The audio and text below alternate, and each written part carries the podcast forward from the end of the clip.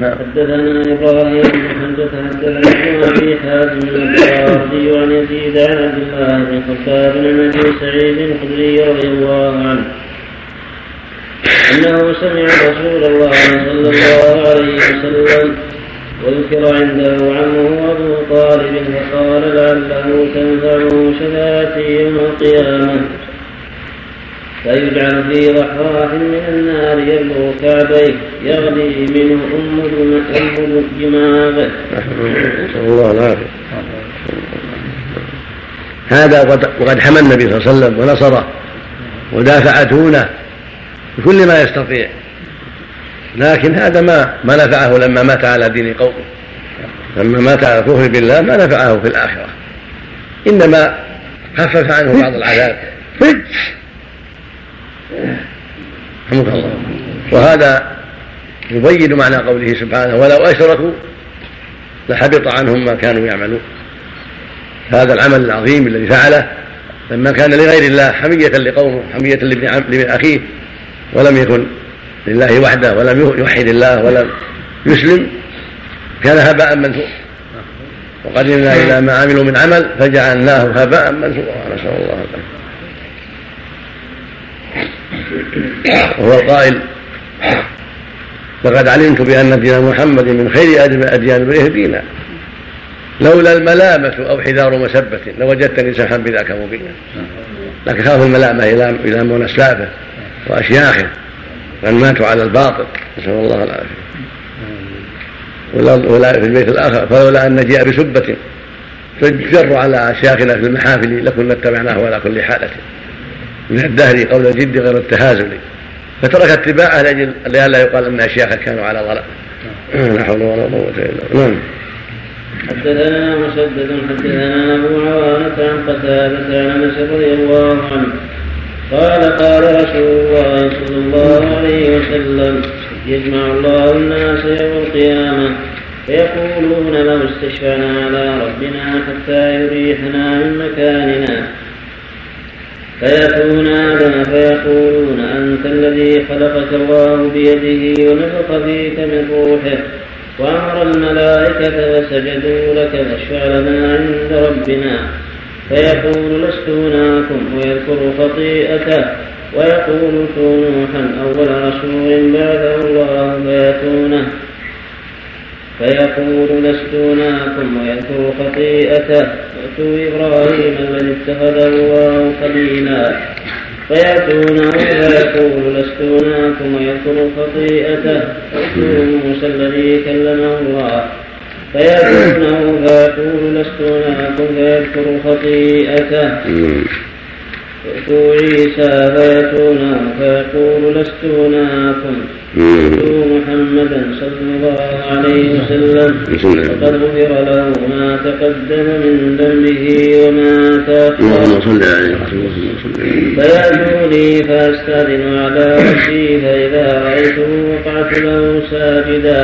فيدعني ما شاء الله ثم يقال لي ارفع رأسك وسل تعطى وقل يسمع واشفى تشفع فارفع رأسي فأحمد ربي بتحميد يعلمني. ثم أشفع فيحب لي حتى ثم أخرجهم من النار وأدخلهم الجنة.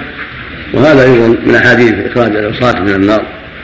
قال له المقام المحمود المذكور في قوله عز وجل من الليل فتهجد نافلة لك عسى فيبعثك ربك مقاما محمودا. هذا المقام المحمود يحمده فيه الأولون والآخرون.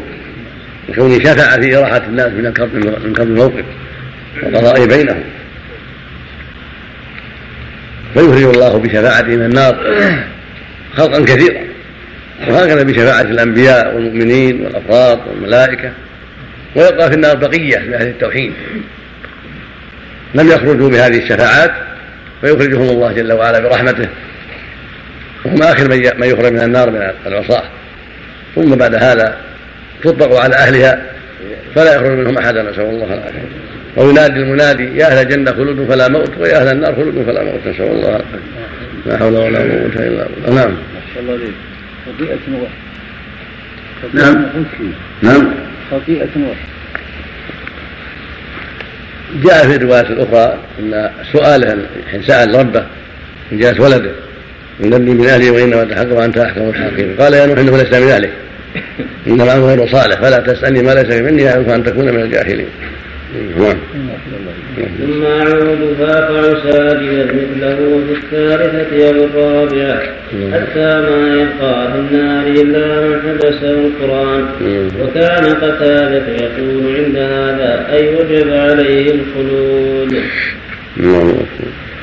حدثنا مسدد حدثنا يحيى عن حسن بن ذكوان حدثنا ابو رجاء حدثنا عمران بن حصين رضي الله عنهما عن تكلم على حتى تبقى في النار إلا وجه الخلود تكلم على شيء.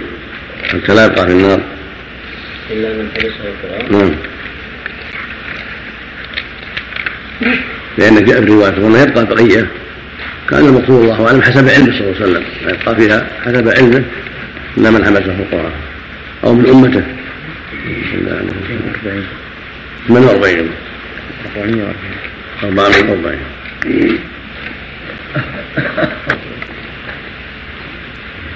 قوله حتى ما يبقى في رواية الكشميهني ما بقي وفي رواية هشام بعد الثالثة. حتى أرجع فأقول قوله إلا من حبسه القرآن. وكان قتادة يقول عند هذا أي وجب عليه الخلود في رواية همام إلا من حبسه القرآن. أي وجب عليه الخلود كذا أبهم قائل أي وجب وتبين من رواية أبي عوانة أنه قتادة أحد رواته. وقع في رواية هشام وسعيد فأقول ما بقي في النار إلا من حبسه القرآن. ووجب عليه الخلود وسقط من رواية سعيد عند مسلم ووجب عليه الخلود. وعنده من رواية هشام مثل ما ذكرت من رواية همام. فتعين أن قوله ووجب عليه الخلود في رواية هشام مدرج في المرفوع لما تبين من رواية أبي عوانة أنها من قول قتادة فسر به قوله من حبسه القرآن. أي من أخبر القرآن بأنه يخلد في النار؟ وقع في رواية همام بعد قوله أي وجب عليه الخلود وهو المقام المحمود الذي وعده الله. وفي رواية شيبان إلا من حبسه القرآن يقول وجب عليه الخلود. وقال عسى أن يبعثك ربك مقاما محمودا. في رواية سعيد عند أحمد بعد قوله إلا من حبسه القرآن. قال فحدثنا أنس بن مالك رضي الله عنه أن النبي صلى الله عليه وسلم قال فيخرج من النار من قال لا إله إلا الله وكان في قلبه من الخير ما يزن شعيره. الحديث وهو, الذي فصله وهو الذي فصله هشام من الحديث وسبق سياقه في كتاب الإيمان مفردا. وقع في رواية معبد بن هلال بعد روايته عن أنس روايته عن الحسن البصري عن أنس. قال ثم أقوم الرابعة فأقول أي رب إذن لي في من قال لا إله إلا الله. فيقول لي ليس ذلك لك فذكر بقية الحديث في إخراجهم. وقد تمسك به بعض المبتدع بعض المبتدعة في دعواهم أن من دخل النار من العصاة. لا يخرج منها لقوله تعالى ومن يعص الله ورسوله فإن له نار جهنم خالدين فيها أبدا. وأجاب أهل السنة بأنها نزلت في الكفار وعلى تسليم وعلى تسليم أنها في من ذلك فقد ثبت تخصيص الموحدين بالإخراج.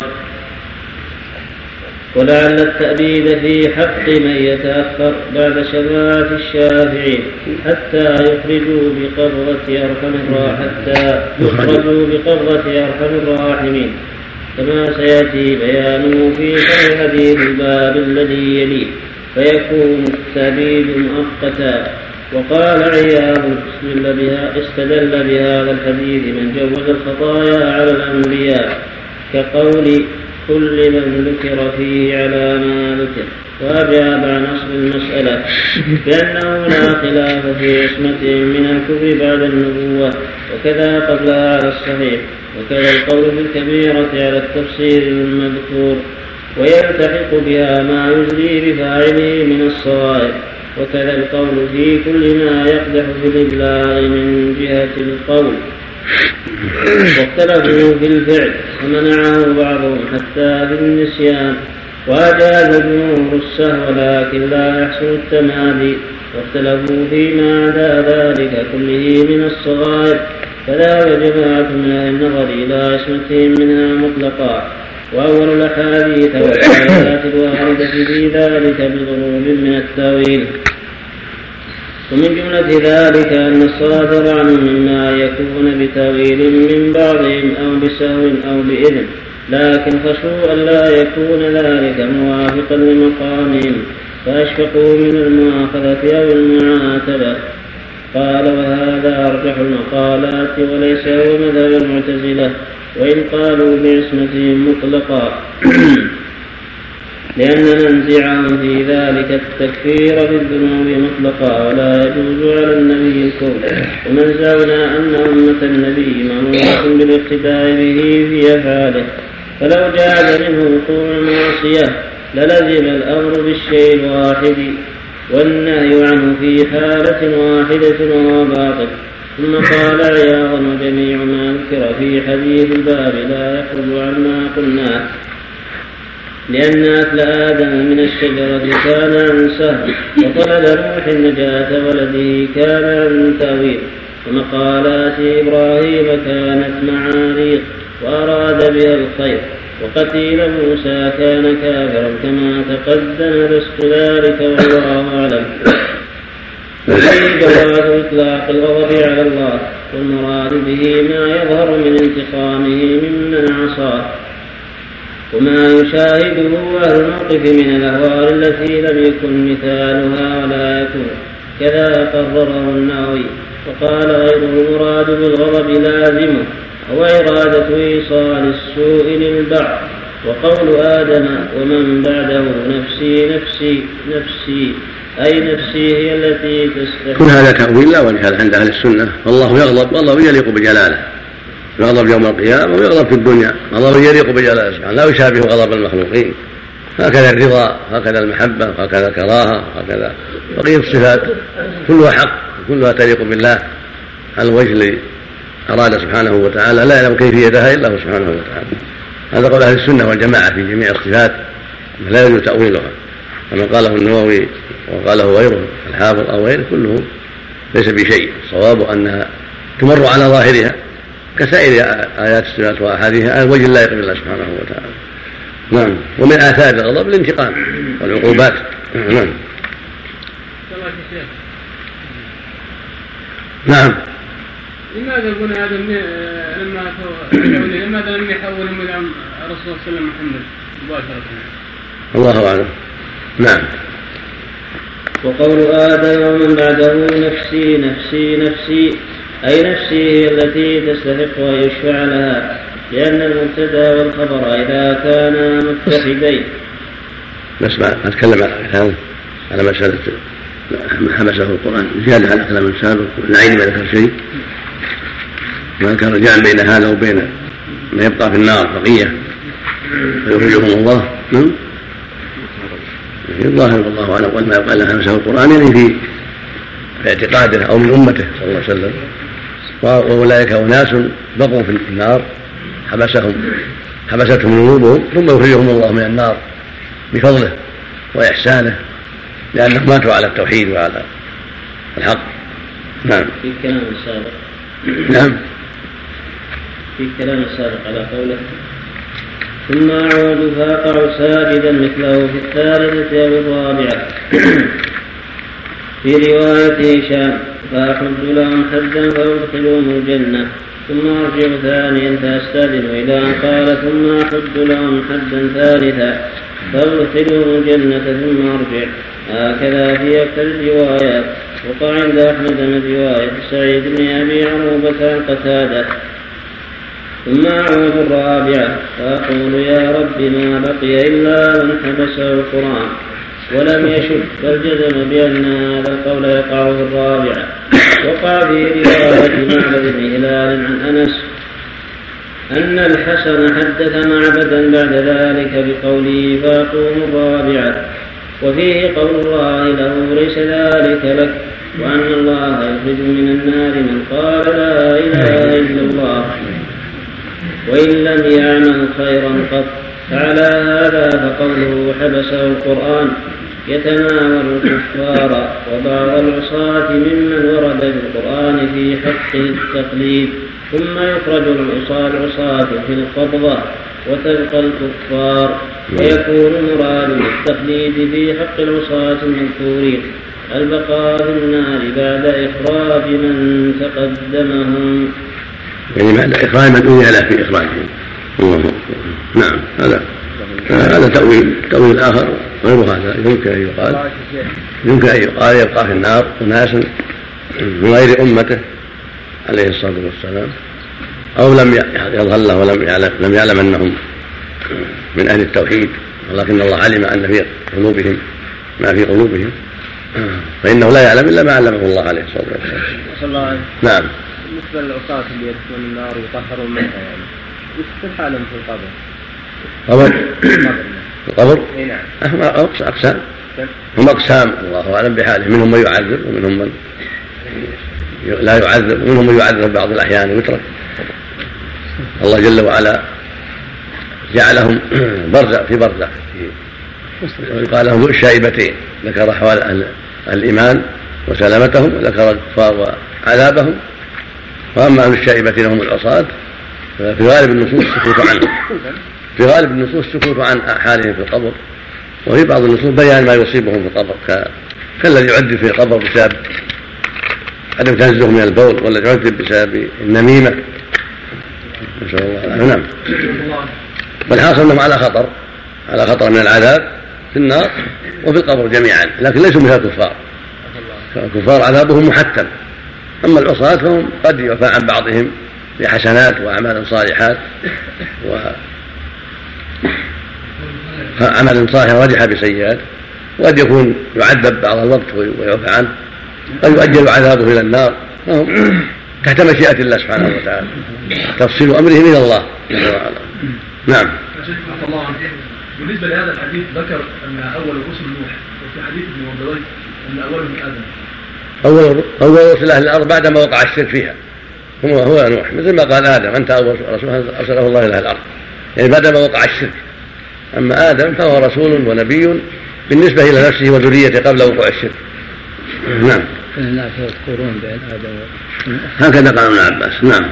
حدثنا مسدد حدثنا يحيى عن الحسن بن ذكوان حدثنا أبو رجاء حدثنا عمران بن حسين رضي الله عنهما عن النبي صلى الله عليه وسلم قال يخرج قوم من النار بشفاعة محمد. عن عمران أي نعم. حسين نعم. حدثنا عمران بن حسين رضي الله عنهما عن النبي صلى الله عليه وسلم. قال يخرج قوم من النار بشفاعة محمد صلى الله عليه وسلم. فيدخل فيدخلون الجنة يسمون الجهنميين.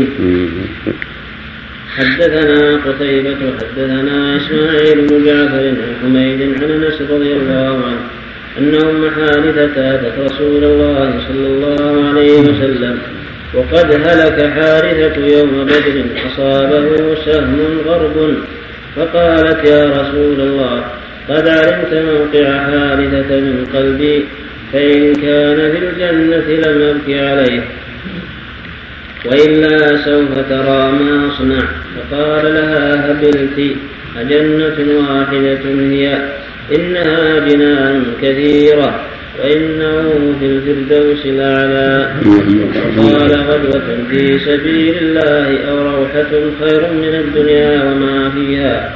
ولقاب قوس أحدكم أو موضع قدم أو موضع قدم في الجنة خير من الدنيا وما فيها. ولو أن امرأة من نساء أهل الجنة اطلعت إلى الأرض لأرات ما بينهما ولملأت ما بينهما ريحا ولنصيبها. يعني الخمار خير من الدنيا وما فيها. وهذا يدل على أن حارثة من جملة من شهد بالجنة مع العشرة ومع ثابت بن قيس ومع كاشة وأشباههم. وهو بن سراقة الذي قتل يوم بدر رضي الله عنه تكلم على حبيبتي. العين. نظر. نعم. بن حسين صحابي نعم. حسين بن عبيد. تكلم على حبيبتي ولا ما؟ نعم. نعم. سماهم الجهنميين يعني بذنوبهم لا لأجل أنهم دخلوا جهنم يعني. وأخرجوا منها. جاء في النصوص أنهم بعد ذلك يسألوا ربهم أن الله. يمحو عنهم هذا الاسم في- فيمحى عنهم هذا الاسم بعد ذلك. نعم. إليك. قال هنا قوله أو هبلت الهمزة فيه الاستفهام والواو العطف على مقدار على مقدر بعد الهمزة وهبلت على صيغة المجهول والمعلوم. حبيبتي وهبلتي نعم.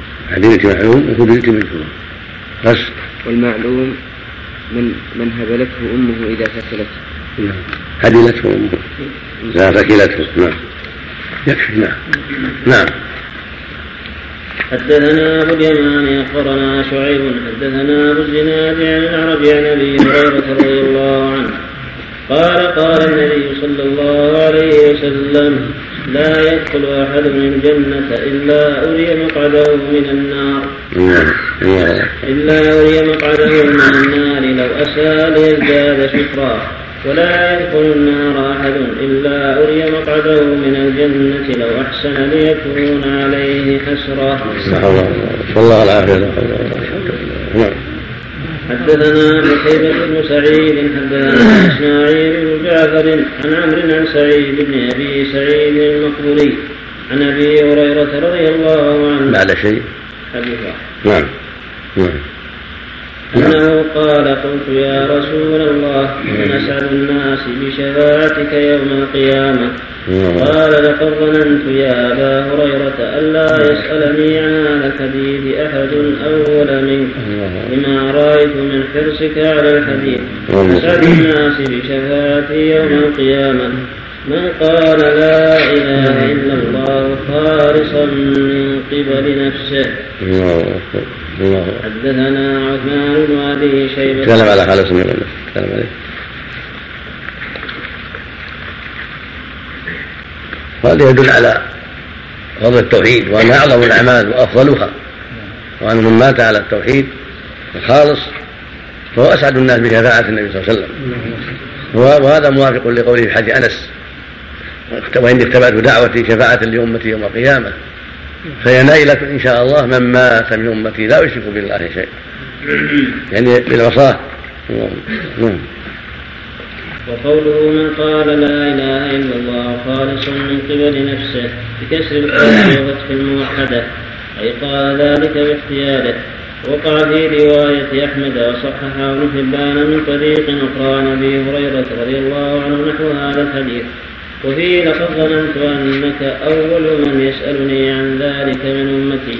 وشفاعتي لمن شهد أن لا إله إلا الله مخلصا.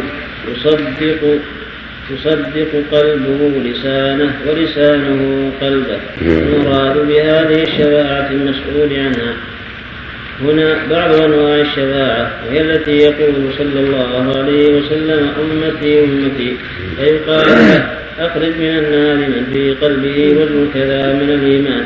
فأسعد الناس بهذه الشفاعة من يكون إيمانه أكمل ممن دونه.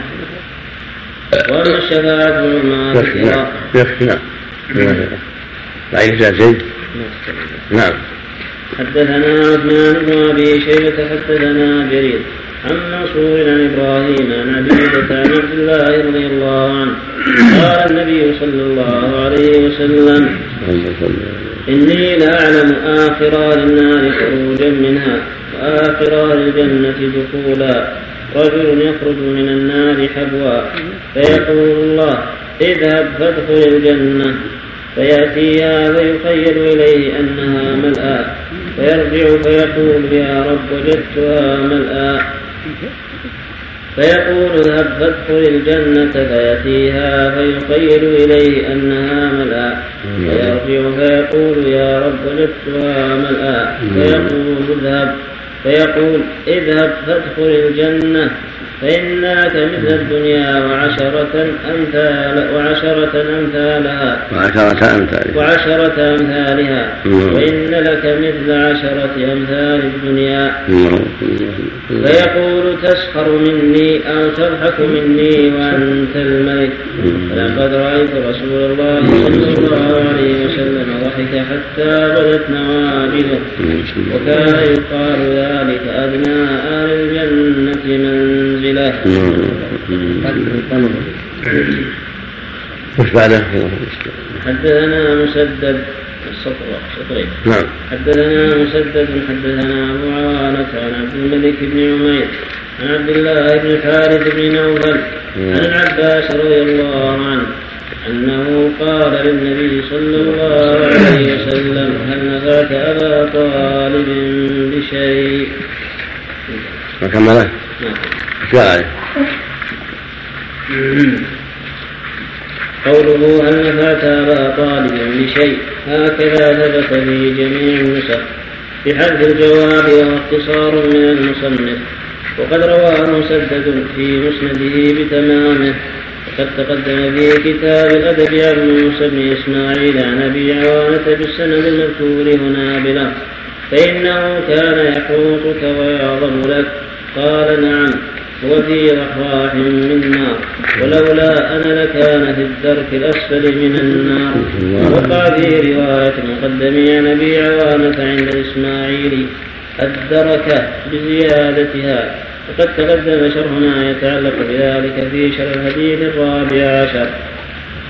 أيضا في قصة أبي طالب في المبعث النبوي لمسدد فيه سند آخر. إلى عبد الملك بن عمير المذكور والله أعلم. باب الصراط باب الصراط جسر جهنم. الله كم؟ 444 الله الله الله شوف كلام على التعاليم أول حديث. أول ما قرأت أول حديث. تعاليم تعاليم. كلام على التعاليم.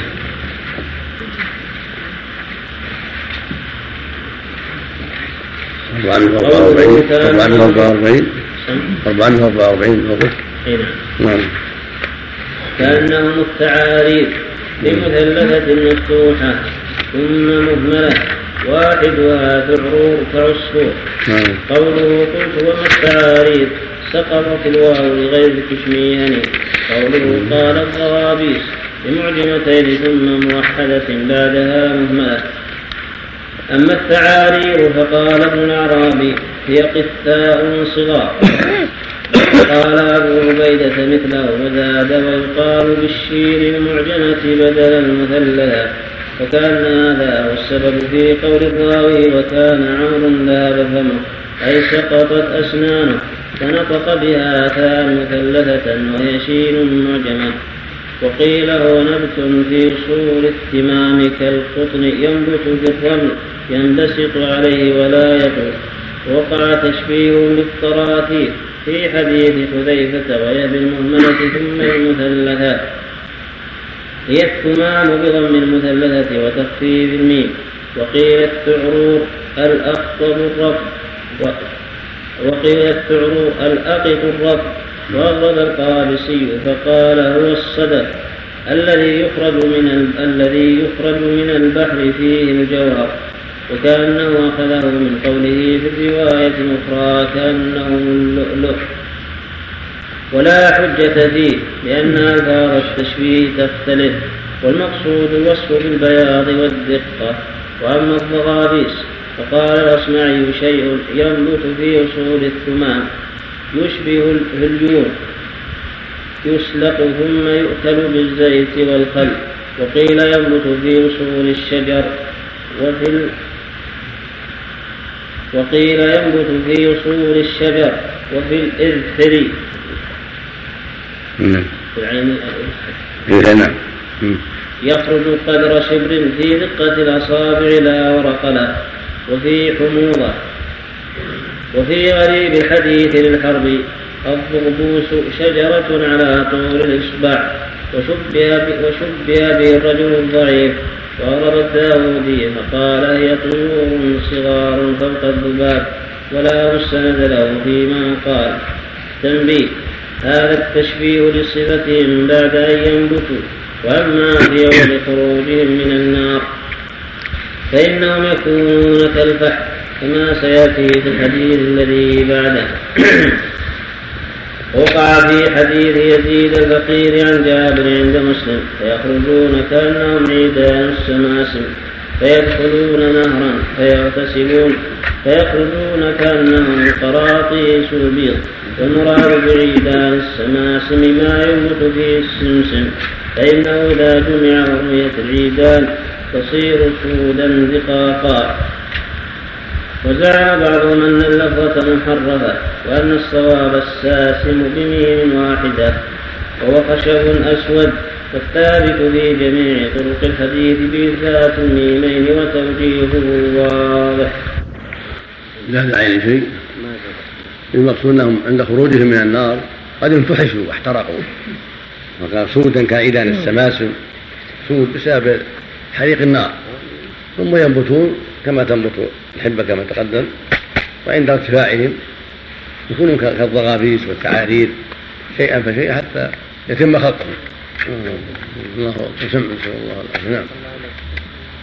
سم لله رب العالمين والصلاة والسلام على نبينا محمد وعلى آله وصحبه أجمعين. قال الإمام أبو عبد الله البخاري رحمه الله تعالى باب الاستراق جسر جهنم. حدثنا أبو باب باب باب باب الصراط جسر جهنم. نعم نسأل الله العافية. نعم. حدثنا أبو اليمان أخبرنا شعيب عن الزهري. أخبرني سعيد وعطاء بن يزيد أن أبا هريرة رضي الله عنه اخبرهما عن النبي صلى الله عليه وسلم.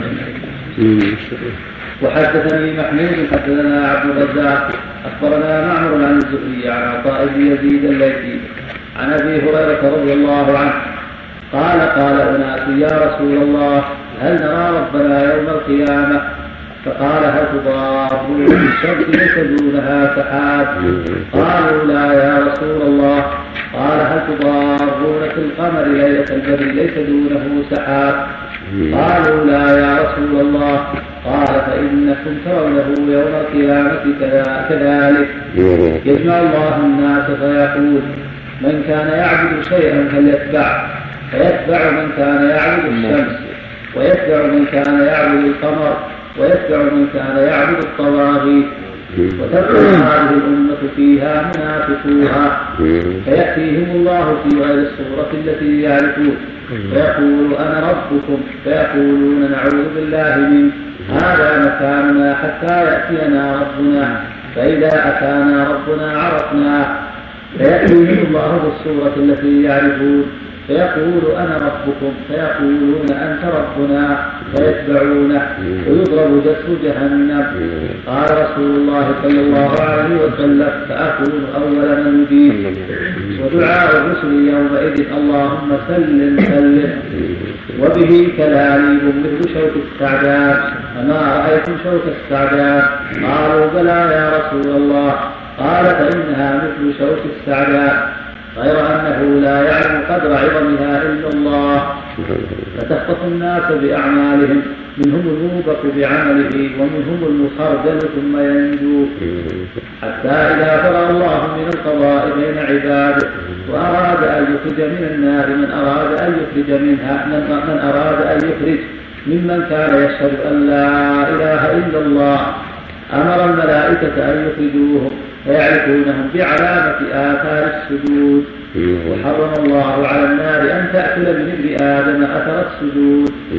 فيخرجونهم فينفحشوا فيصب عليهم ماء يقال له ماء الحياة. فينبتون نبات الخفة في حميل السيف. ويبقى رجل مقبل بوجهه على النار. فيقول يا رب قد قشبني ريحها وأحرقني ذكاؤها. فاصرف وجهي عن النار فلا يزال يدعو الله فيقول لعلك إن أعطيتك أن تسألني غيره فيقول لا وعزتك لا أسألك غيره فيصرف وجهه عن النار. ثم يقول بعد ذلك يا رب قربني إلى باب الجنة. فيقول أليس قد زعمت أن لا تسألني غيره؟ ويلك يا ابن آدم ما أغدرك. فلا يزال يدعو فيقول لعلي إن أعطيتك ذلك تسألني غيره. فيقول لا وعزتك لا أسألك غيره. فيدعو الله ما شاء من عهود ومواثيق ألا يسأله غيره. فيقربه إلى باب الجنة. فإذا رأى ما فيها سكت ما شاء الله أن يسكت. ثم يقول ربي أدخلني الجنة. ثم يقول أوليس قد زعمت ألا تسألني غيره. ويلك يا ابن آدم ما أغدرك فيقول يا رب لا تجعلني أشقى خلقك فلا يزال يدعو حتى يضحك فإذا ضحك منه أذن له بالدخول فيها. فإذا دخل فيها قيل تمنى من كذا فيتمنى. ثم يقال له تمنى من كذا فيتمنى حتى تنقطع به الأماني. فيقول له هذا لك ومثله معه. قال أبو هريرة رضي الله عنه وذلك الرجل آخر أهل الجنة دخولا. قال عطاء أبو سعيد الخدري رضي الله عنه جالس مع أبي هريرة رضي الله عنه لا يغير عليه شيئا من حديثه. حتى انتهى إلى قوله هذا لك ومثله معه. قال أبو سعيد رضي الله عنه سمعت رسول الله صلى الله عليه وسلم يقول هذا لك وعشرة أمثاله قال أبو هريرة رضي الله عنه حفظت مثله معه.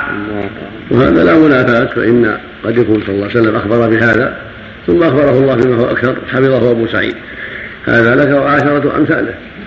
وهذا آخر من يخرج من النار وآخر من يدخل الجنة. الله المستعان الله أكبر. وهذا الصراط من جازه دخل الجنة. الصراط الذي نصبه الله على مثل جهنم يمرون عليه على قدر أعمالهم.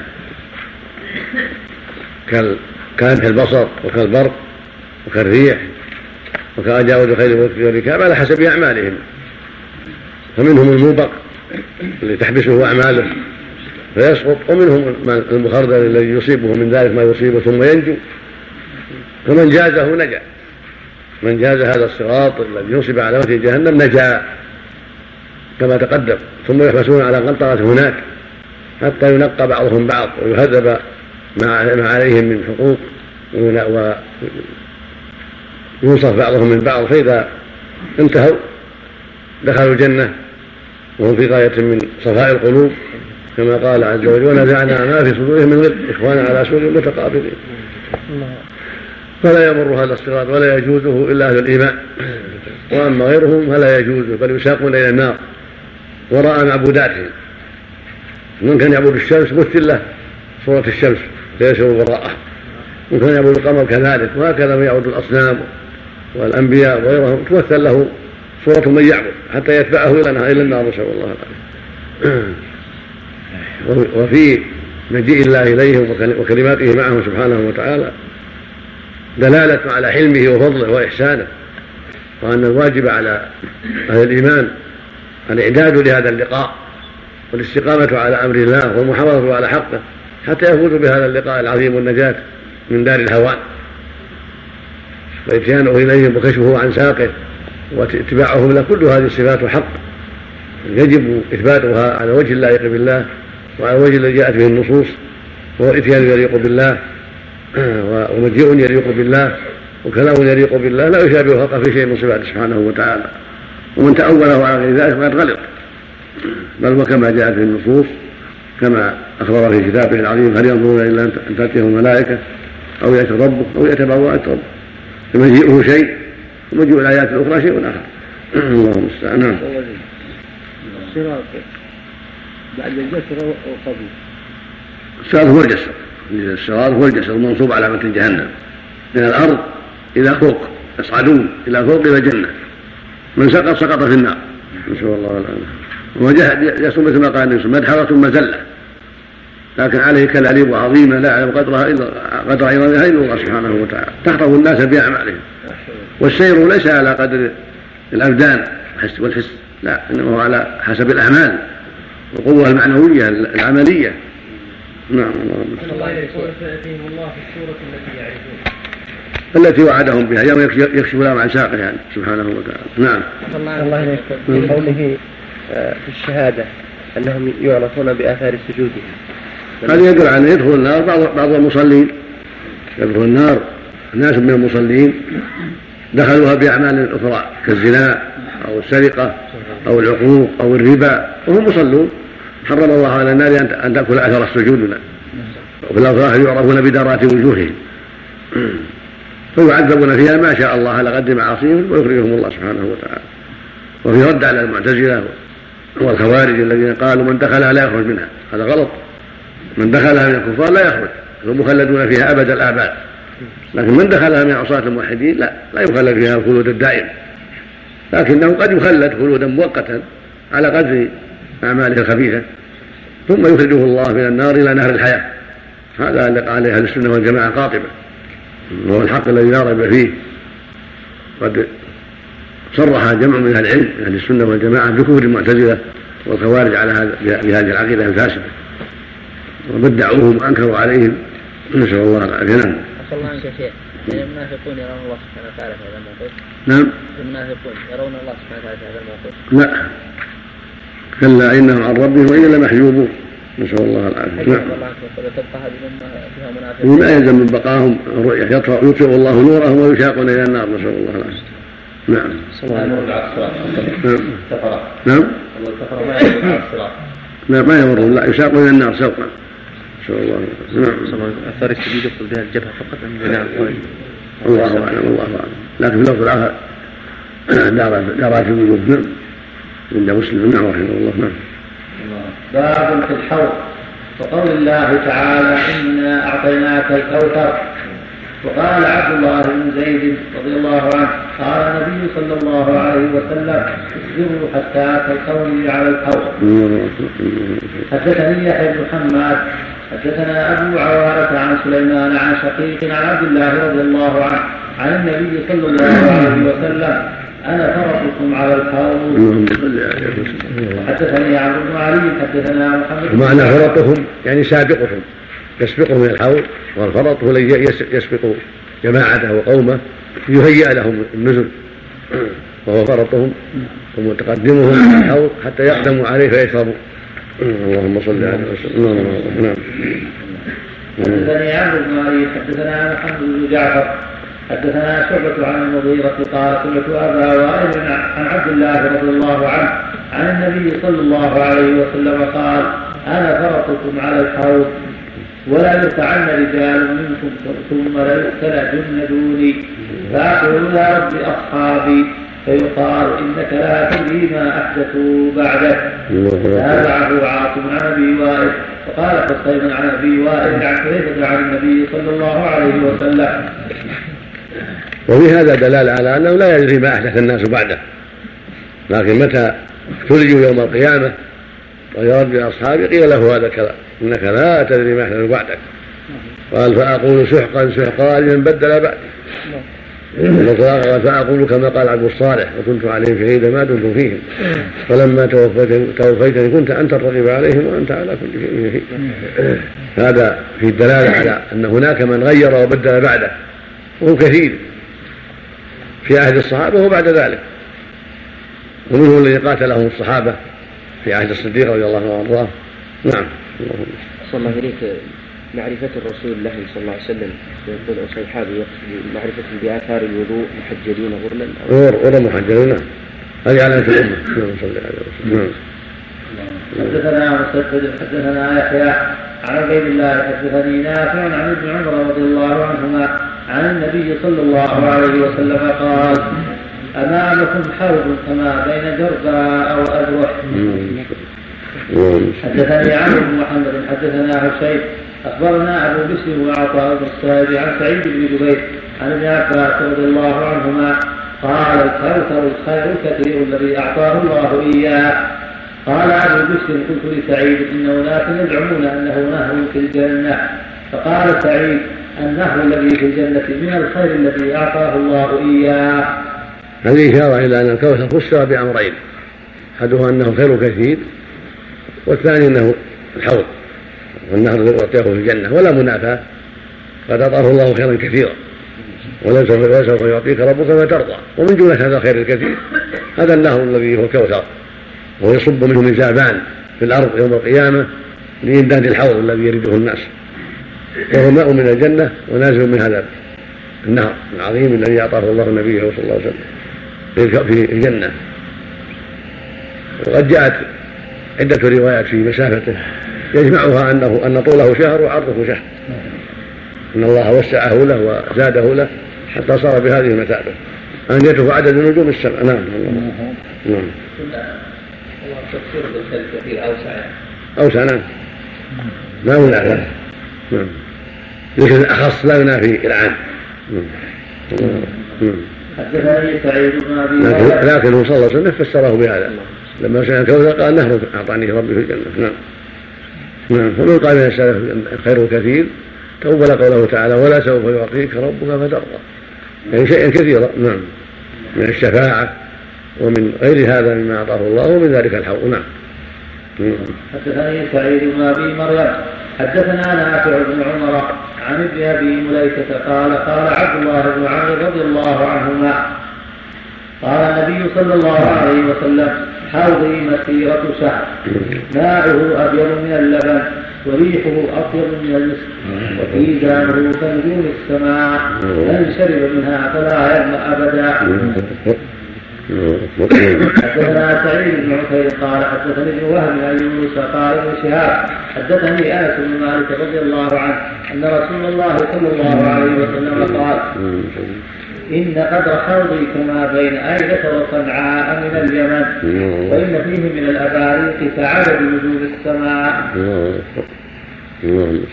حدثنا ابو الوليد حدثنا همام عن قتادة عن أنس رضي الله عنه عن النبي صلى الله عليه وسلم.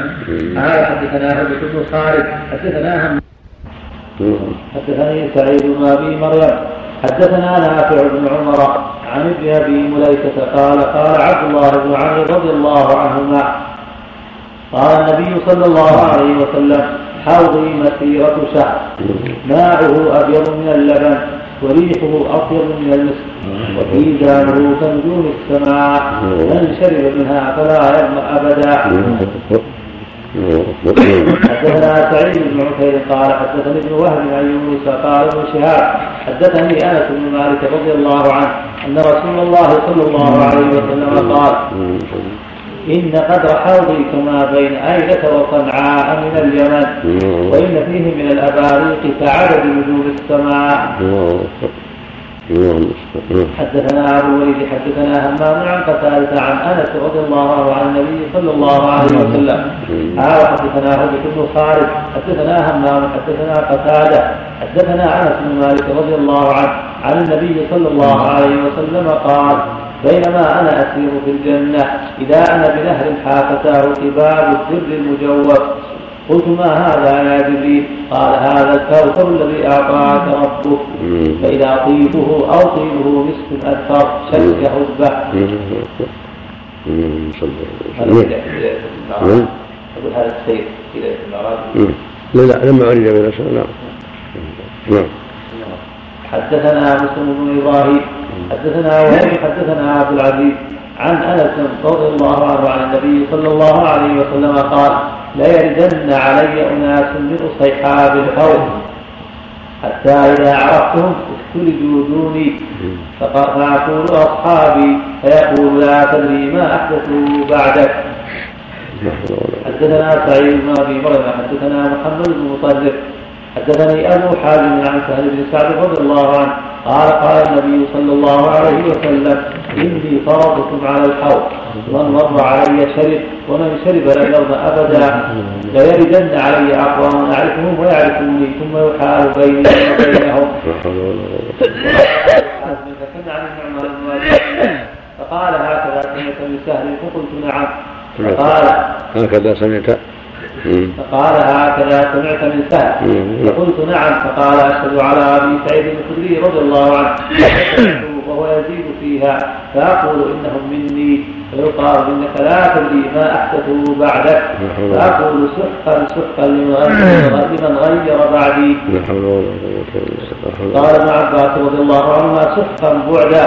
يقال سحيق بعيد. سحقه وأسحقه أبعده. وقال أحمد بن شبيب وقال أحمد بن سعيد الحبطي حدثنا أبي عن يونس عن ابن شهاب عن سعيد بن المسيب عن أبي هريرة رضي الله عنه أنه كان يحدث أن رسول الله صلى الله عليه وسلم قال يرد علي يوم القيامة رهط من أصحابي فيجلون عن الحوض فأقول يا رب أصحابي فيقول إنك لا علم لك بما أحدثه بعدك. إنهم ارتدوا على أدبارهم القهقراء. نسأل الله العافية. حدثنا أحمد بن صالح حدثنا ابن وهب قال أخبرني يونس عن ابن شهاب عن ابن المسيب أنه كان يحدث عن أصحاب النبي صلى الله عليه وسلم. أن النبي صلى الله عليه وسلم قال يرد علي الحوض رجال من أصحابي فيحلؤون عنه. فأقول يا رب أصحابي فيقال إنك لا علم لك بما أحدثه بعدك. إنهم ارتدوا على أدبارهم القهقرا وقال شعيب عن الزهري كان أبو هريرة رضي الله عنه يحدث عن النبي صلى الله عليه وسلم فيجلون. وقال عقيل فيحلؤون وقال الزبيدي عن الزهري عن محمد بن علي عن عبيد الله بن أبي رافع عن أبي هريرة رضي الله عنه عن النبي صلى الله عليه وسلم. حدثني إبراهيم بن منذر الحجامي. وهذا هذه الأحاديث يتاولها الرافضة قبحهم الله ولعنهم على أصحاب النبي صلى الله عليه وسلم معروفين فيقول منهم أبو بكر ومنهم عمر ومنهم كذا ومنهم كذا. كلهم يوم يوم القيامة عن الصراط لانهم ارتدوا بسبب أنهم لم يعطوا عليا حقه ولم يعطوا فاطمة حقها. وهذا من ظلمهم وجهلهم وكفرهم نسأل الله العافية. فالرافضة من احبث الناس ومن اضل الناس ومن أكثرهم واكثرهم عداوة لأهل السنة والجماعة. حتى تأولوا هذه النصوص على الصديق وعمر وآل العشرة وغيرهم من من أكابر الصحابة. وهي في الذين ارتدوا من الأعراب وأشباههم الذين عرفهم المسلمون ومن اللي قاتلهم إلا أبو بكر وعمر الصحابة هم اللي قاتلوا أهل الردة. قاتل الله الرافضة وأبعدهم. نسأل الله العافية. نعم. حدثنا إبراهيم بن منذر الحزامي. حدثنا محمد بن فليح. حدثنا أبي. قال حدثني هلال عن عطاء بن يسار. عن أبي هريرة رضي الله عنه عن النبي صلى الله عليه وسلم قال بين أنا نائم فإذا زمرة حتى إذا عرفتم خرج رجل من بيني وبينه فقال هلم فقلت أين؟ قال إلى النار والله. قلت وما شأنهم؟ قال إنهم ارتدوا بعدك على ادبارهم القهقراء ثم اذا زمرة حتى إذا عرفتم خرج رجل من بيني وبين من بيني وبينهم فقال هل قلت أين؟ قال إلى النار والله. قلت ما شأنهم؟ قال إنهم ارتدوا بعدك على ادبارهم القهقراء فلا أراه يخلص منهم إلا مثل همل النعم. لا حول ولا قوه لا حول ولا قوه الا بالله حدثني إبراهيم بن منذر. حدثنا أنس بن عياض عن عبيد الله عن حبيب عن حفص بن عاصم عن أبي هريرة رضي الله عنه أن رسول الله صلى الله عليه وسلم قال ما بين بيتي ومنبري روضة من رياض الجنة ومنبري على حوضي. بعد الشيء باقي ثلاثة يمكن كتاب نعم. باقي ثلاثة حديث يمكن كتاب نعم. مم. نعم. الله أكبر. نعم.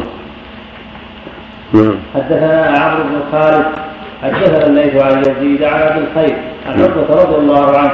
أن النبي صلى الله عليه وسلم خرج يوم فصلى على أهل أحد صلاته على الميت. ثم انصرف على المنبر فقال إني فرط لكم وأنا شهيد عليكم. وإني والله لأنظر إلى حوض الان وإني أعطيت مفاتيح خزائن الأرض أو مفاتيح الأرض. وإني والله ما أخاف عليكم أن تشركوا بعدي ولكن أخاف عليكم أن تنافسوا فيها.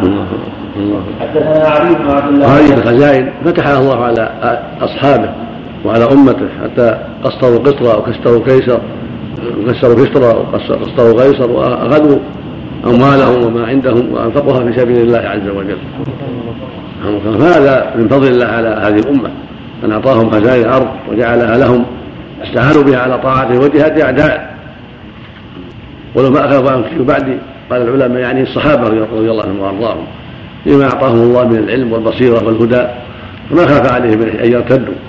يعني أصحابه الذين عرفوا دينه وتبصروا في دينه وجاهدوا معه هؤلاء قد عافاهم الله من ذلك. بخلاف الذين ليس عندهم من العلوم والبصيرة ما عندهم.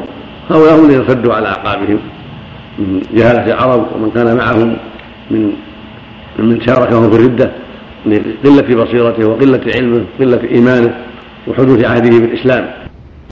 فليس داخلا في ذلك أعيان الصحابة وخيارهم بل هذا وقع لقوم أهل أهل جدة في الإسلام و وحدوث عهد بالإسلام وليسوا ممن تمكن الإسلام في قلوبهم. أما أولئك الأخيار فهم المراد بقوله ما أخاف أن تفسدوا بعدي. ولكن أخشى عليكم أن تشط عليكم الدنيا كما قد كما قد وقع. وبعضهم بعض أهل العلم ذكر رواية أخرى إن الشيطان قد يئس من يعبده المصلون في الغرب ولكن في التحديث بينهم. يعني يصحب النبي عليه الصلاة والسلام مثل ما في هذه الرواية حديث عقبة. ولهذا أخبر صلى الله عليه وسلم أن الشرك يقع في هذه الأمة. ولهذا قال صلى الله عليه وسلم لا تقوم الساعة رحمه الله حتى يلحق حي من امه المشركين وحتى تعود فيها من أمة الأوثان. ولا تقوم الساعة حتى تضطرب الايات النساء حول هذه الخلاص رواه البخاري. وقال صلى الله عليه وسلم لا تتبعوا سنه من كان قبل حذو قده بقدة. متفق عليه. في أحاديث كثيرة كلها دالة على وقوع الشرك. والكفر وارتداد الكثير من الناس فوجب التوفيق من الأحاديث لما قاله أهل العلم والإيمان بان مراد قول ما أخاف عليكم من الصحابة الذين تمكنوا في الدين وتبصروا وعرفوا ما جاء به الرسول على بصيرة وصارت لهم بذلك البصيرة العظيمة والنفوذ في الإسلام حتى عصمهم الله مما وقع فيه جهاله الأعراب حدثاء والعهد بالاسلام وهذا أيضا هكذا جواب حديث ان الشيطان قد يئس قال الشيطان غير معصوم. فقد ييأس من الشيء ويحصل. قد يرجو فلا يحصل. فلما رأى ظهور الإسلام وانتشار الدين يئس أن يعود الناس إلى كفرهم الأول وضلالهم ولكن هذا الذي يئس منه قد عاد الكثير منه. فقد عاد كثير فقد ارتد كثير من الناس عن الإسلام كما وقع في عهد الصديق وبعده. وقد وقع الشرك في هذه الأمة كما أخبر به النبي صلى الله عليه وسلم. ووقع هذا وهذا وقع التحريف والإفساد من الشيطان ووقع تزيين الكفر حتى وقع هذا وهذا. ولا منافاة من الروايات ولا تعارض من الروايات ولكنه صلى الله عليه وسلم بين هذا وهذا وأهل العلم والإيمان يضعون الأمور في مواضعها وينزلون الأحاديث في منازلها ويفسرونها بما يدفع عنها ما ما قد يظن من التعارض والتخالف. اللهم المستعان. نعم. نعم. صلاة النبي على أهل دعاء أو صلاة المشهور عند أهل العلم أنه الدعاء. دعا لهم دعاء دعاء أهل الميت. دعا لهم بالمغفرة والرحمة كما كان يدعو الميت. الله الله المستعان. نعم. حدثنا علي بن عبد الله حدثنا حرمي بن عمارة حدثنا شعبة عن معبد بن خالد أنه سمع حارثة بن وهب أنه سمع حارثة بن وهب رضي الله عنه يقول سمعت النبي صلى الله عليه وسلم وذكر الحوض فقال فقال كما بين المدينة وصنعاء. فزاد ابن أبي علي عن شعبة عن معبد بن خالد عن حارثة رضي الله عنه. سمع النبي صلى الله عليه وسلم قال حوضه ما بين صنعاء والمدينة. فقال له المستورد ألم تسمعه؟ قال الأواني. قال لا قال المستورد ترى فيه الآنية مثل الكواكب حدثنا سعيد بن أبي مريم عن نافع عن نافع بن عمر قال حدثني ابن أبي مليكة عن أسماء بنت أبي بكر رضي الله عنهما قالت قال النبي صلى الله عليه وسلم إني على الحوض حتى أنظر من يرد علي منكم. وسيؤخذ ناس دوني فأقول يا رب مني ومن أمتي. فيقال هل شعرت ما عملوا بعدك؟ والله ما برحوا يرجعون على أعقابهم. كان ابن أبي مليكة يقول اللهم إنا نعوذ بك أن نرجع على أعقابنا أو أن نفتن عن ديننا. لا حول ولا قوة إلا بالله. نسأل الله السلام على أعقابكم تنكسون ترجعون على العقب وإذا كان في عهده صلى الله عليه وسلم بعد وفاته صلى الله عليه وسلم من ارتد فكيف بالقرن الخامس عشر وما بعده ما قطعه؟ هذا يوجب المؤمن الحذر سؤال الله الثبات على دينه. ولا سيما في هذا العصر الذي انكشف فيه الشر وظهر فيه البلاء وكثر فيه دعاة الكفر والضلال والفساد. وقل أهل الصبر والإيمان ولا حول ولا قوة إلا بالله نسأل الله السلامة. كلما عظمت الفتن وكانت الشرور صار الواجب على أهل الإيمان من سؤال الله ومراعاته إليه يثبتهم صار الواجب أكثر وصار الخوف أكبر. ولا حول ولا قوة إلا بالله. نعم قوله أحسن الله إليك يعرفونني ويعرفونهم ويعرفونني نعم نعم شوف كلامه على حديث عقبة حدثنا عبدان واخبرني أبي عن شعبة عن عبد الملك قال سمعت جندبا رضي الله عنه يقول سمعت النبي صلى الله عليه وسلم يقول أنا فرطكم على الحوض. اللهم صل كم؟ نعم. نعم. شوف هذا كلام عن عقبة صلاة نعم. هذا كتاب القدر. كم بعد المجلد هذا؟ لا هذا كتاب. نعم. نعم. قدر. نعم. شوف كلام على عقبة. يعرفون علم الله يعني الناس يعرفونه ويعرفون عليه الصلاة والسلام ارتدوا في عهد الصديق وهم يعرفونه ويعرفون عليه الصلاة والسلام نسأل الله يعني من غير الصحابة ما يكون الصحابة لا صحابة واجب من ارتدوا وهم صحابة من الأعراب نعم ولهذا قال الحادي من يستدل بمثل هذه الأحاديث على أن على أن الصحابة ليسوا جميعا عدول بل فيهم. من أرتد ما صار ما صار مسلم. أو من أرتد منهم صار مسلم. هم أثنى عليهم من بقي على صحبته وإيمانه بقيت له العدالة. ومن أرتد زال عنه الإسلام والعدالة جميعا نسأل الله. العافية نعم. نعم. كلام هذا الحديث الحديث الثالث عشر. قوله يزيد وابن ابي حبيب وأبو الخير هو مرشد بن عبد الله الجزري وعقبة بن عامر هو الجهني. وقد برسه في كتاب الجنائز مما يتعلق بالصلاة على الشهداء وفي علامات النبوة فيما يتعلق بذلك. وقد تقدم الكلام على المنافسة في شرح حديث أبي سعيد. هذا هذا المنافسة. المنافسة نعم. نعم. في شرح حديث أبي سعيد في أوا... في أوائل كتاب البقاع في هذا نعم. المنافسة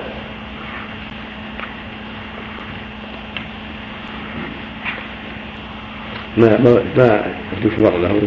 وما فيها مسابقة في الشيء ومسارعة إليه. فلسفة تنافس لكن مر لها ذكر في الحديث. ما ما مر لها ذكر ولكن يخاف عليكم أن تنافسوا فيه. هذا هذا. تنافس في الدنيا نعم. وليكن كما كان قبلكم يهد نسأل الله العافية فتنتهم حتى صدتهم عن الحق.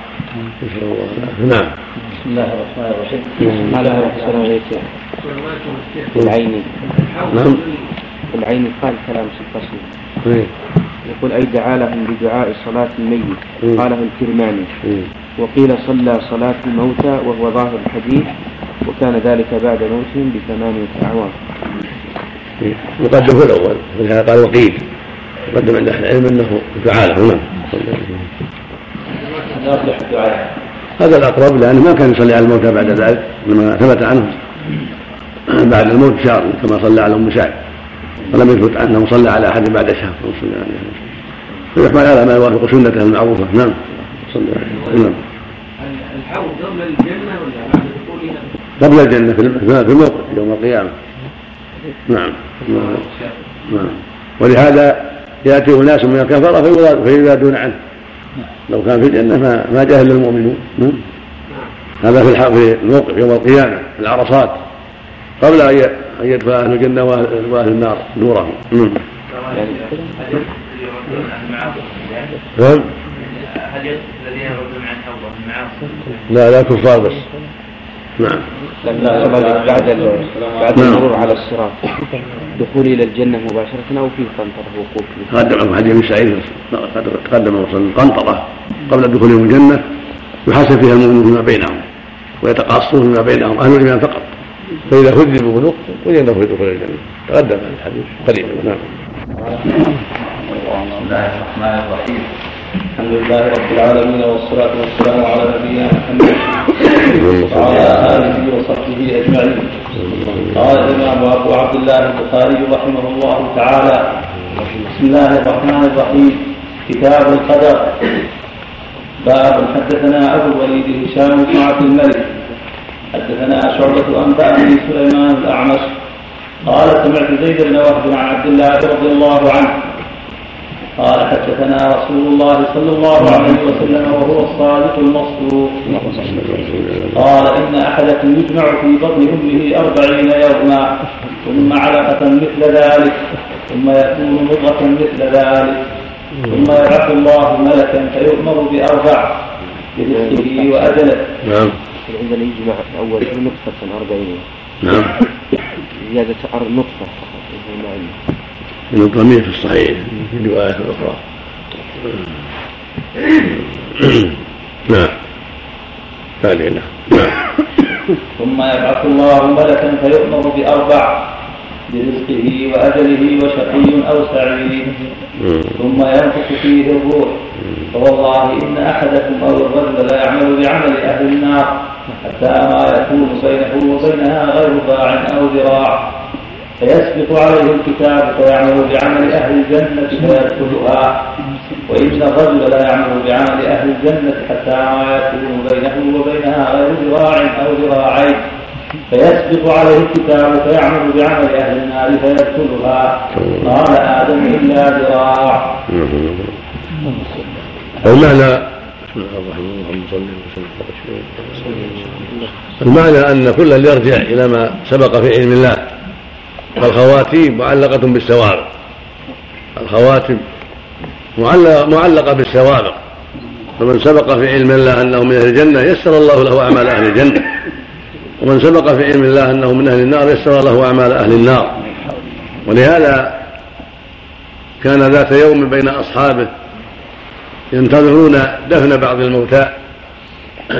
فقال عليه الصلاة والسلام ما منكم من أحد إلا وقد كتب مقعده من الجنة ومقعده من النار. في اللفظ وقد علم مقعده من الجنة ومقعده من النار. قالوا يا رسول الله ففيما العمل قال عمله فكل ميسر لما خلق له. أما أهل السعادة فلييسروا لعمل أهل السعادة. وأما أهل الشقاوة فلييسروا لعمل أهل الشقاوة.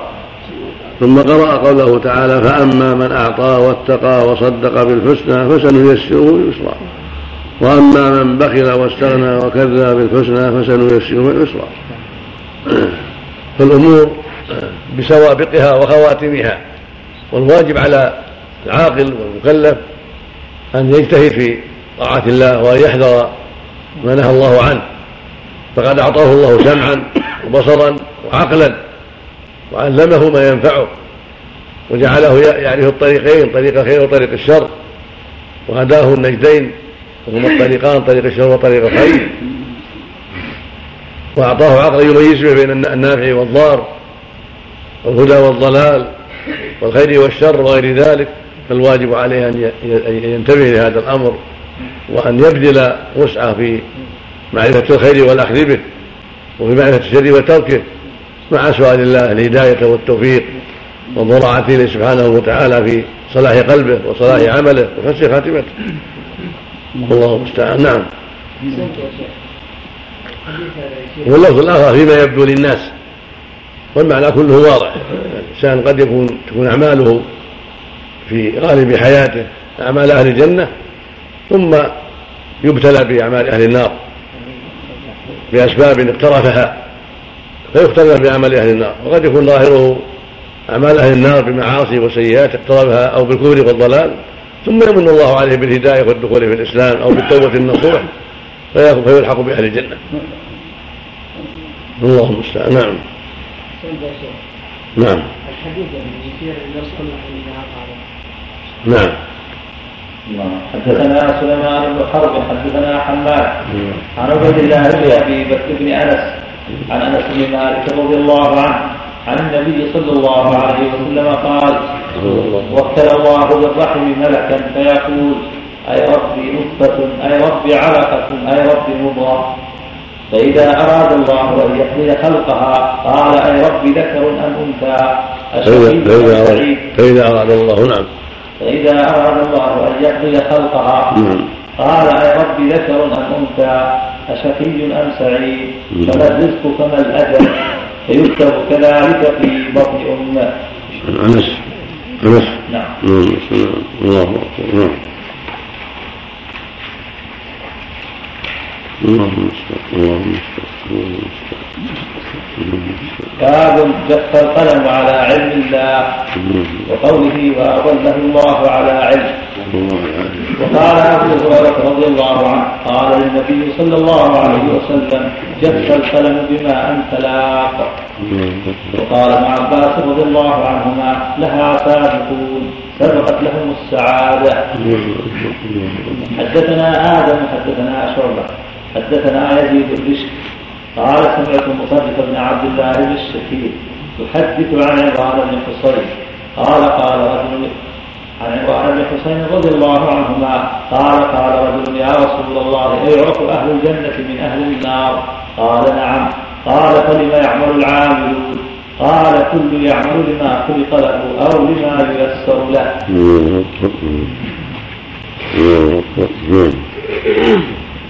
باب الله اعلم بما كانوا عاملين. حدثنا محمد بن بشار حدثنا غندر حدثنا شعبة عن أبي بشر عن سعيد بن جبير عن ابن عباس رضي الله عنهما قال سئل النبي صلى الله عليه وسلم عن أولاد المشركين فقال الله أعلم بما كانوا عاملين. حدثنا يحيى بن بكير حدثنا الليث عن هذا أهل العلم من هذا أن أولاد المشركين ان أطفالهم حكمهم حكم أهل الفترات. يظهر فيهم علم الله يوم القيامة. ولهذا قال عليه الصلاة والسلام الله أعلم بما كانوا عاملين. وسوف يجري جزاؤهم على حسب أعمالهم.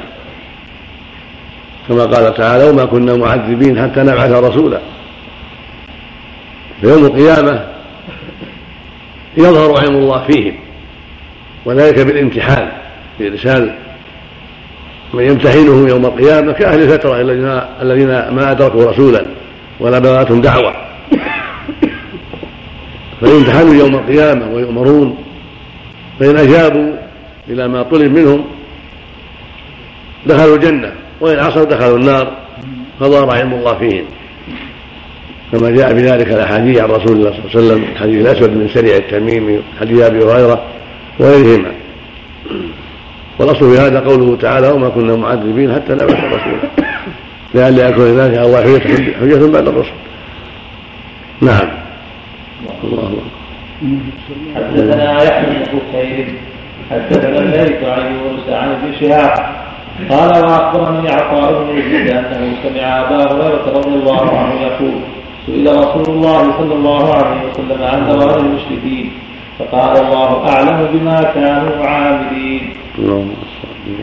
أخبرنا إسحاق بن إبراهيم أخبرنا عبد الرزاق أخبرنا معمر عن حماد عن أبي هريرة رضي الله عنه. قال قال رسول الله صلى الله عليه وسلم. ما من مولود إلا يولد على الفطرة. فأبواه يهودانه وينصرانه كما تنتجون البهيمة؟ هل تجدون فيها من جد من هل تجدون فيها من جدعاء حتى تكونوا أنتم تجدعونها. كان عندك تنتجون؟ ضرط نعم. ولا ضرط تنتجون؟ ضبطها بالقلم شعله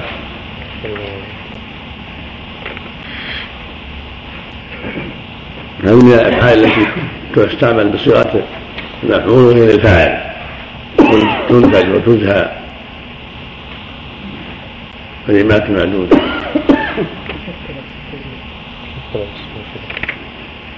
لا الشك ما يعتمد فيها شكلهم يغلطون به كثير نعم.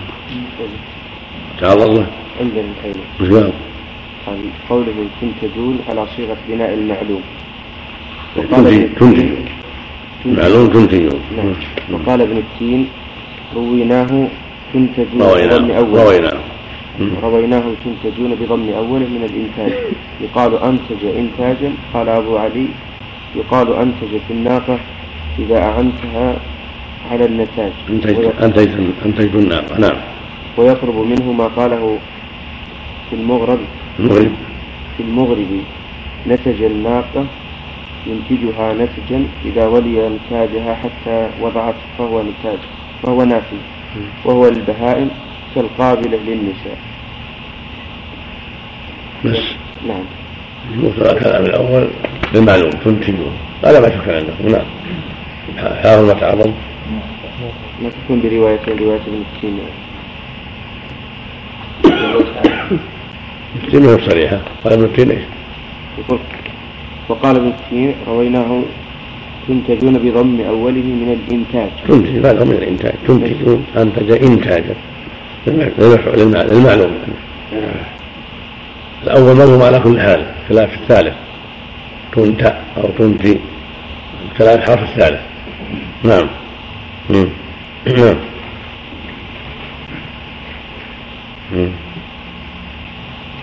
قالوا يا رسول الله أفرأيت من يموت وهو صغير؟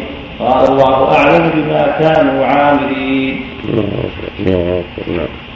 باب وكان أمر الله قدرا مقدورا والمعنى أن الله جل وعلا يجعل الأولاد على الفطرة على الملة ملة الإسلام كما في الروايات الأخرى على هذه الملة. فأبوا طفل يهودانه أو ينصرانه أو يمجسانه إلى غير هذا من أنواع الديانات الباطلة. فهو في الأصل على الفطرة. فلو مات قبل أن يفعل به أبواه شيئا صار على الفطرة. كما في حديث عياض بن حمار المجاشعي عن النبي صلى الله عليه وسلم قال يقول الله عز وجل إني خلقت عبادي حنفاء. فاجتالتهم الشياطين عن دينهم. وامرته أن يشركوا بما لم لم ينزل به سلطانا. خرجه مسلم في الصحيح. فالأصل انهم ولدوا على الفطرة على ملة الإسلام. لكن هو طفل ومن يقوم عليه يجرونه إلى اليهوديه أو النصرانيه أو إلى غير ذلك بحسب التربية. نعم. هل وإذا مات على الصغر صار يوم القيامة يمتحن كما تقدم. وإن بلغ فهو على ما بلغ عليه إذا مات عليه. إن بلغ واعتنق الإسلام له حكم المسلمين وإن اعتنق غيره فله حكمه إذا كانت الحجة قد قامت عليه. وإن كان من أهل الفترة امتحن أيضا يوم القيامة كالصغار من أولاد المشركين. نعم. والله المراد بارك الله فيكم أنه يعني بفعلهما أو بإهمالهما له عدم توجيه إلى الإسلام في النصران والمجوسان. كله داخل توجيههم اذا هملاه صار على ما ما هم عليه نعم. نعم ان شاء الله نعم. تجون البهيمه كما تولد البهيمه يعني سليمة كما أن صاحب الإبل والبقر ينتج أو أولاد إبله وغنم سليمة حتى يقطع لها هم يقطع أذنها أو غيرها للسمة أو لغير ذلك أو تأتيها آفة بعد ذلك.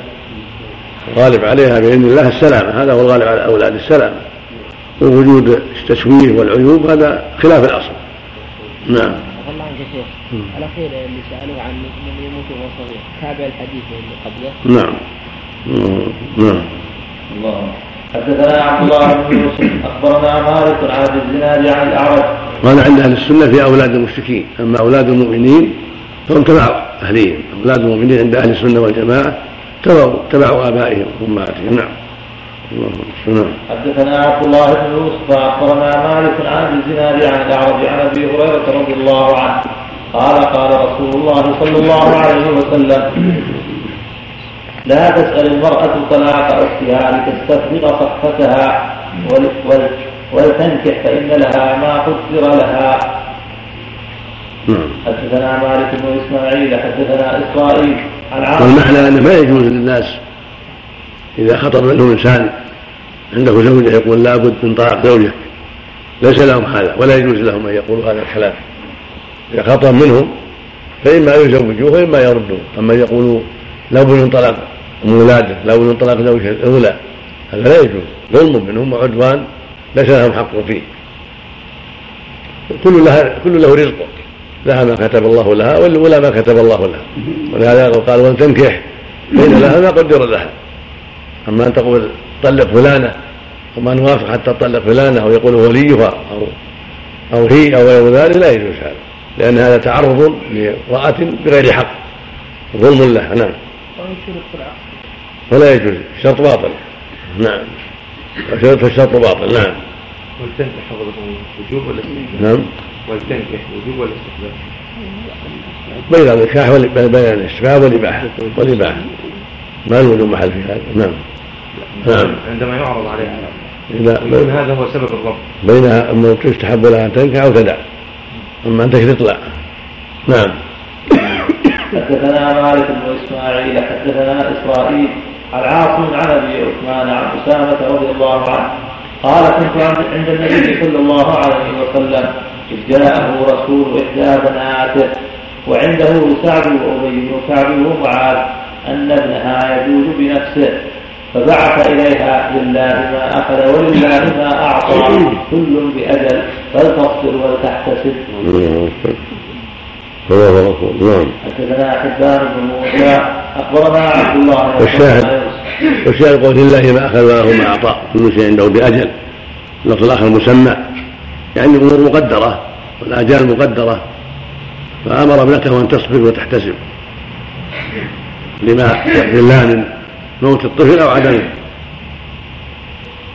في الرواية الثانية فأرسلت إليه تعزم عليه إلا أن يحضر عليه الصلاة والسلام. فقام ومعه جماعة إليها معه سعد وأبي ومعاذ وآخرون كما في الرواية الأخرى فدخل عليها على بيت ابنته فعرض عليه الصبي ونفسه تقعقع للخروج قد دنا أجله. فلما رآه النبي صلى الله عليه وسلم ذرفت عيناه عليه الصلاة والسلام. فقال له بعض الحاضرين سعد بن غيره يا رسول الله ما هذا؟ قال إنها رحمة.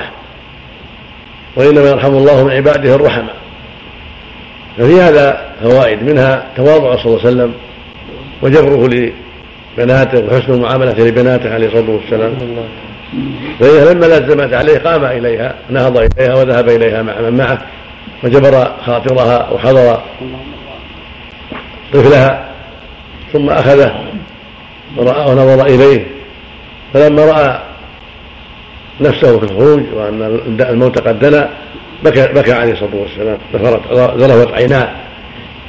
قال إنها رحمة وإنما يرحم الله من عباده الرحماء فجمع بين وجوه الخير سلاها وعزاها بقوله الله ما أخذ وله ما اعطى كل شيء عنده بأجل مسمى فلتصبر وتحتسب وبكى عليه الصلاة والسلام يبين أن هذا من خلق المؤمن. عند وجود المصائب وعند وجود موت الأطفال والزوجيه قد يبكي الإنسان وإن كان أعظم الخلق وإن كان أفضلهم كرسول الله عليه الصلاة والسلام. ثم بين أنها رحمة وأنها ليست جزعا ولا سخطا بقدر الله ولكنها رحمة تقع في القلوب عند وجود المصائب. نعم. حدثنا حبان بن موسى أخبرنا عبد الله أخبرنا يونس عن الزهري قال أخبرني عبد الله بن محيريز الجحمي الجمحي. قال أخبرني عبد الله بن محيريز الجمحي ان أن أبا سعيد الخدري رضي الله عنه أخبره أنه بينما هو جالس عند النبي صلى الله عليه وسلم جاءه رجل من الأنصار فقال يا رسول الله إنا نصيب سبع ونحب المال كيف ترى في العدل فقال رسول الله صلى الله عليه وسلم أو إنكم تفعلون ذلك؟ لا عليكم ألا تفعلوا فإنه ليست نسبة كتب الله أن تخرج إلا هي كائنة.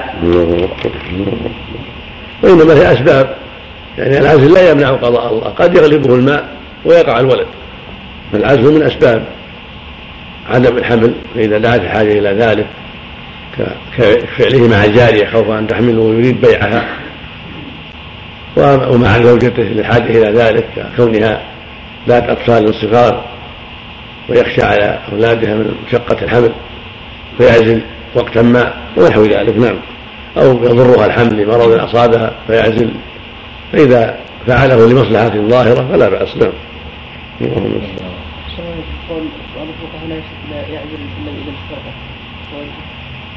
نعم يافع ما يدل على لابد من اذن الحره نعم. نعم. لأن لها نصيبا في الولد نعم. اللهم حدثنا موسى حدثنا موسى بن مسعود حدثنا سفيان عن الأعمش عن ابي وائل عن حذيفه رضي الله عنه. حدثنا. حدثنا موسى بن مسعود. نعم. حدثنا سفيان عن الأعمش عن أبي وائل عن حذيفة رضي الله عنه. قال لقد خطبنا النبي صلى الله عليه وسلم خطبة ما ترك فيها شيئا الا ما ترك فيها شيئا إلى قيام الساعة إلا ذكره. علمه من علمه وجهله من جهله. إن كنت لأرى الشيء قد نسيته فأعرفه كما يعرف الرجل الرجل إذا غاب عنه فرآه فعرفه. تكلم على موسى.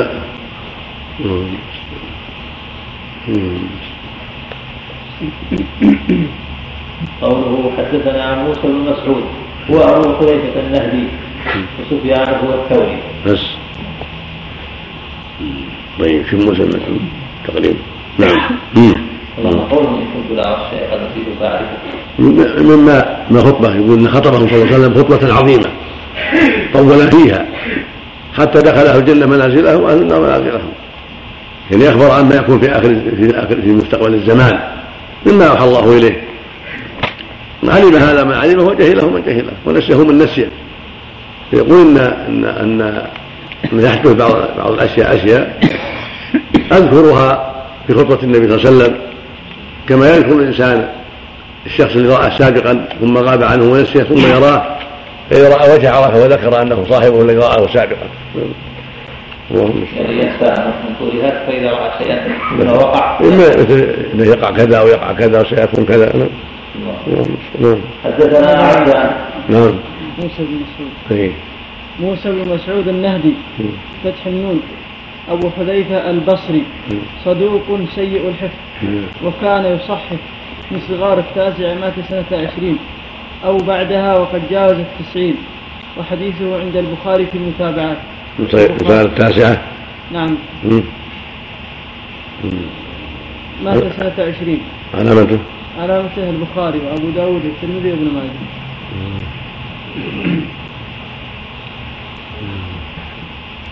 نعم. وكان شيخ في المتابعات ولا في الشواهد؟ اي نعم. عندنا نعم. لأن خبر حذيفة يعني في القدر. نعم. في في إخبار ما ما- عما كان وقد روى غير حذيفة رواه عمر وروى اخرون نعم. بمعنى نعم. نعم الخطبة هذه هي التي خطب من بعد الفجر إلى العصر. ورواها عمر أبو اليسر أيضا كذلك. نعم لعلها هذه. نعم. نعم. حدثنا عبدان عن أبي حمزة عن الاعمش عن سعد بن عبيده عن أبي عبد الرحمن السلمي عن علي رضي الله عنه قال كنا جلوسا مع النبي صلى الله عليه وسلم ومعه ولود ينكت به في لما حاجة علي كلام على حذيفة نعم. نعم. كم نعم حدثنا عبدان عن ابي حمزه عن الاعمش عن سعد بن عبيده عن ابي عبد الرحمن السلمي عن علي رضي الله عنه قال كنا جلوسا مع النبي صلى الله عليه وسلم ومعه عود ومعه عود ينكت به في الأرض فنكس وقال ما منكم من احد الا قد كتب مقعده من النار أو من الجنه فقال رجل من القوم الا نتكل يا رسول الله قال لا اعملوا فكل ميسر. ثم قرأ فأما من أعطى واتقى الآية الله أكبر. بعده بعده باب العمل بالخواتيم. صف كم؟ 492 نعم. 492 مش كلام على حديث حذيفة كلام على مسلم مسعود أولا نعم. الحديث الرابع قوله حدثنا موسى بن مسعود وأبو حذيفه النهدي وسفيان هو الثوري قوله لقد خطبنا في رواية جرير عن الاعمش عند مسلم قام فينا رسول الله صلى الله عليه وسلم مقاما. قوله إلا ذكر في رواية جرير إلا حدث به. قوله علمه من علمه وجهله من جهله. في رواية جرير حفظه من حفظه ونسيه من نسيه. وزاد قد علمه أصحابي هؤلاء أي علموا وقوع ذلك المقام. وما وقع فيه من الكلام. وقد سميت في أول بدء الخلق مرة نحو حديث حذيفة هذا من الصحابة. كعمر, كعمر وأبي زيد بن أخطب وأبي سعيد قال وغيرهم. فلعل حذيفة أشار إليهم أو إلى بعضهم. وقد أخرج مسلم من طريق أبي إدريس الخولاني عن حذيفة رضي الله عنه. والله إني لأعلم كل فتنة والله إني لأعلم كل فتنة كائنة فيما بيني وبين الساعة. وما بي أن يكون رسول الله صلى الله عليه وسلم أسر إلي شيئا لم يكن يحدث به غيري. وقال في آخره فذهب أولئك الرهط غيري. وهذا لا يناقض الأول بل يجمع بأن يحمل على مجلسين أو المراد بالأول أعم من المراد بالثاني. قوله إن كنت لأرى الشيء قد نسيت فلا الأكثر بحذف المفعول. وفي رواية يكفي شوف كلامه الأول حديث حديث مسعود. الله أكبر الله أكبر الله أكبر. أول حديث مسعود. يمنع الخطوة في أربعين يوما من عند نطفة في عيني. المعروف الرواية ليس فيها نطفة عند عند الشيخين. قوله عن عبد الله عن عبد الله بن مسعود رضي الله عنه وقع في رواية آدم سمعت عبد الله بن مسعود. قوله حدثنا رسول الله صلى الله عليه وسلم وهو الصادق المصدوق. قال الترمذي يحتمل أن تكون الجمله حالية ويحتمل أن تكون اعتراضية وهو أولى لتعم الأحوال كلها. وان ذلك من دأبه وعادته. والصادق هنا المخبر بالقول الحق ويطلق على الفعل. يقال صدق القتال وهو الصادق فيه. والمصدوق معناه الذي الذي يصدق له في القول. يقال صدقته الحديث. صدقته. يعني أخبرته بالصدق. صدقته بالتخفيف. الذي يصدق له القول. يصدق له. أو لا يصدق له يعني يقال الصدق يخبر بالصدق يعني. يقال صدقته قلت إنك صادق. وصدقته أخبرته بالحقيقة. إذا خففت فمعنى أنك أخبرته بالحقيقة. وإذا ثقلت معناه أنك صدقته أنت فيما قال. قلت له إنك صادق. وإذا قلت صدقته يعني أخبرته بالشيء الذي يعتقد أنه صدق. نعم. معناه الذي يصدق له في فمن هذا قول فلو صدقوا الله لكان خيرا لهم فلو صدقوا الله لكان خيرا لهم يعني حملوا بالصدق. نعم. يقال صدقته الحديث إذا أخبرته إذا أخبرته به إخبارا جازما. أو معناه الذي صدقه الذي صدقه الله تعالى وعده. وقال الكرماني لما كان مضمون الخبر أمرا مخالفا لما عليه الأطباء أشار بذلك إلى بطلان ما ادعوا ويحتمل أنه قال ذلك تلذذا به وتضرقا وافتخارا ويؤيد وقوع هذا اللفظ بعينه في حديث أنس. في حديث أنس ليس فيه إشارة أو انس الالباس ويؤيده وقوع ويؤيده وقوع هذا هذا اللفظ بعينه في حديث أنس. ليس فيه إشارة إلى بطلان شيء يخالف ما ذكر. وهو ما أخرجه أبو داود من حديث المغيرة بن شعبة رضي الله عنه. سمعت الصادق المصدوق يقول لا تنزع الرحمة إلا من شقي. ومضى في علامات النبوة من حديث أبي هريرة رضي الله عنه. سمعت الصادق المصدوق يقول هلاك أمتي على يد أغيب على يد أغيبة من قريش؟ وهذا حديث اشتهر عن الأعمش بالسند المذكور هنا.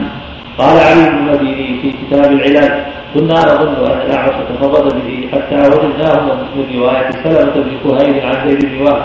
قلت وروايته عند أحمد والنسائي ورواه حبيب بن حسان عن زيد بن وهب أيضا وقع لنا تلك الياء ولم ينفرد به زيد عن ابن مسعود رضي الله عنه بل رواه عنه أبو عبيدة بن عبد الله بن مسعود عند أحمد وعلقمة وعلقمة عند أبي يعلى وأبو وائل في فوائد تمام ومخالف بن سليم وأبو عبد الرحمن السلمي كلاهما عند الرياضي في كتاب القدر.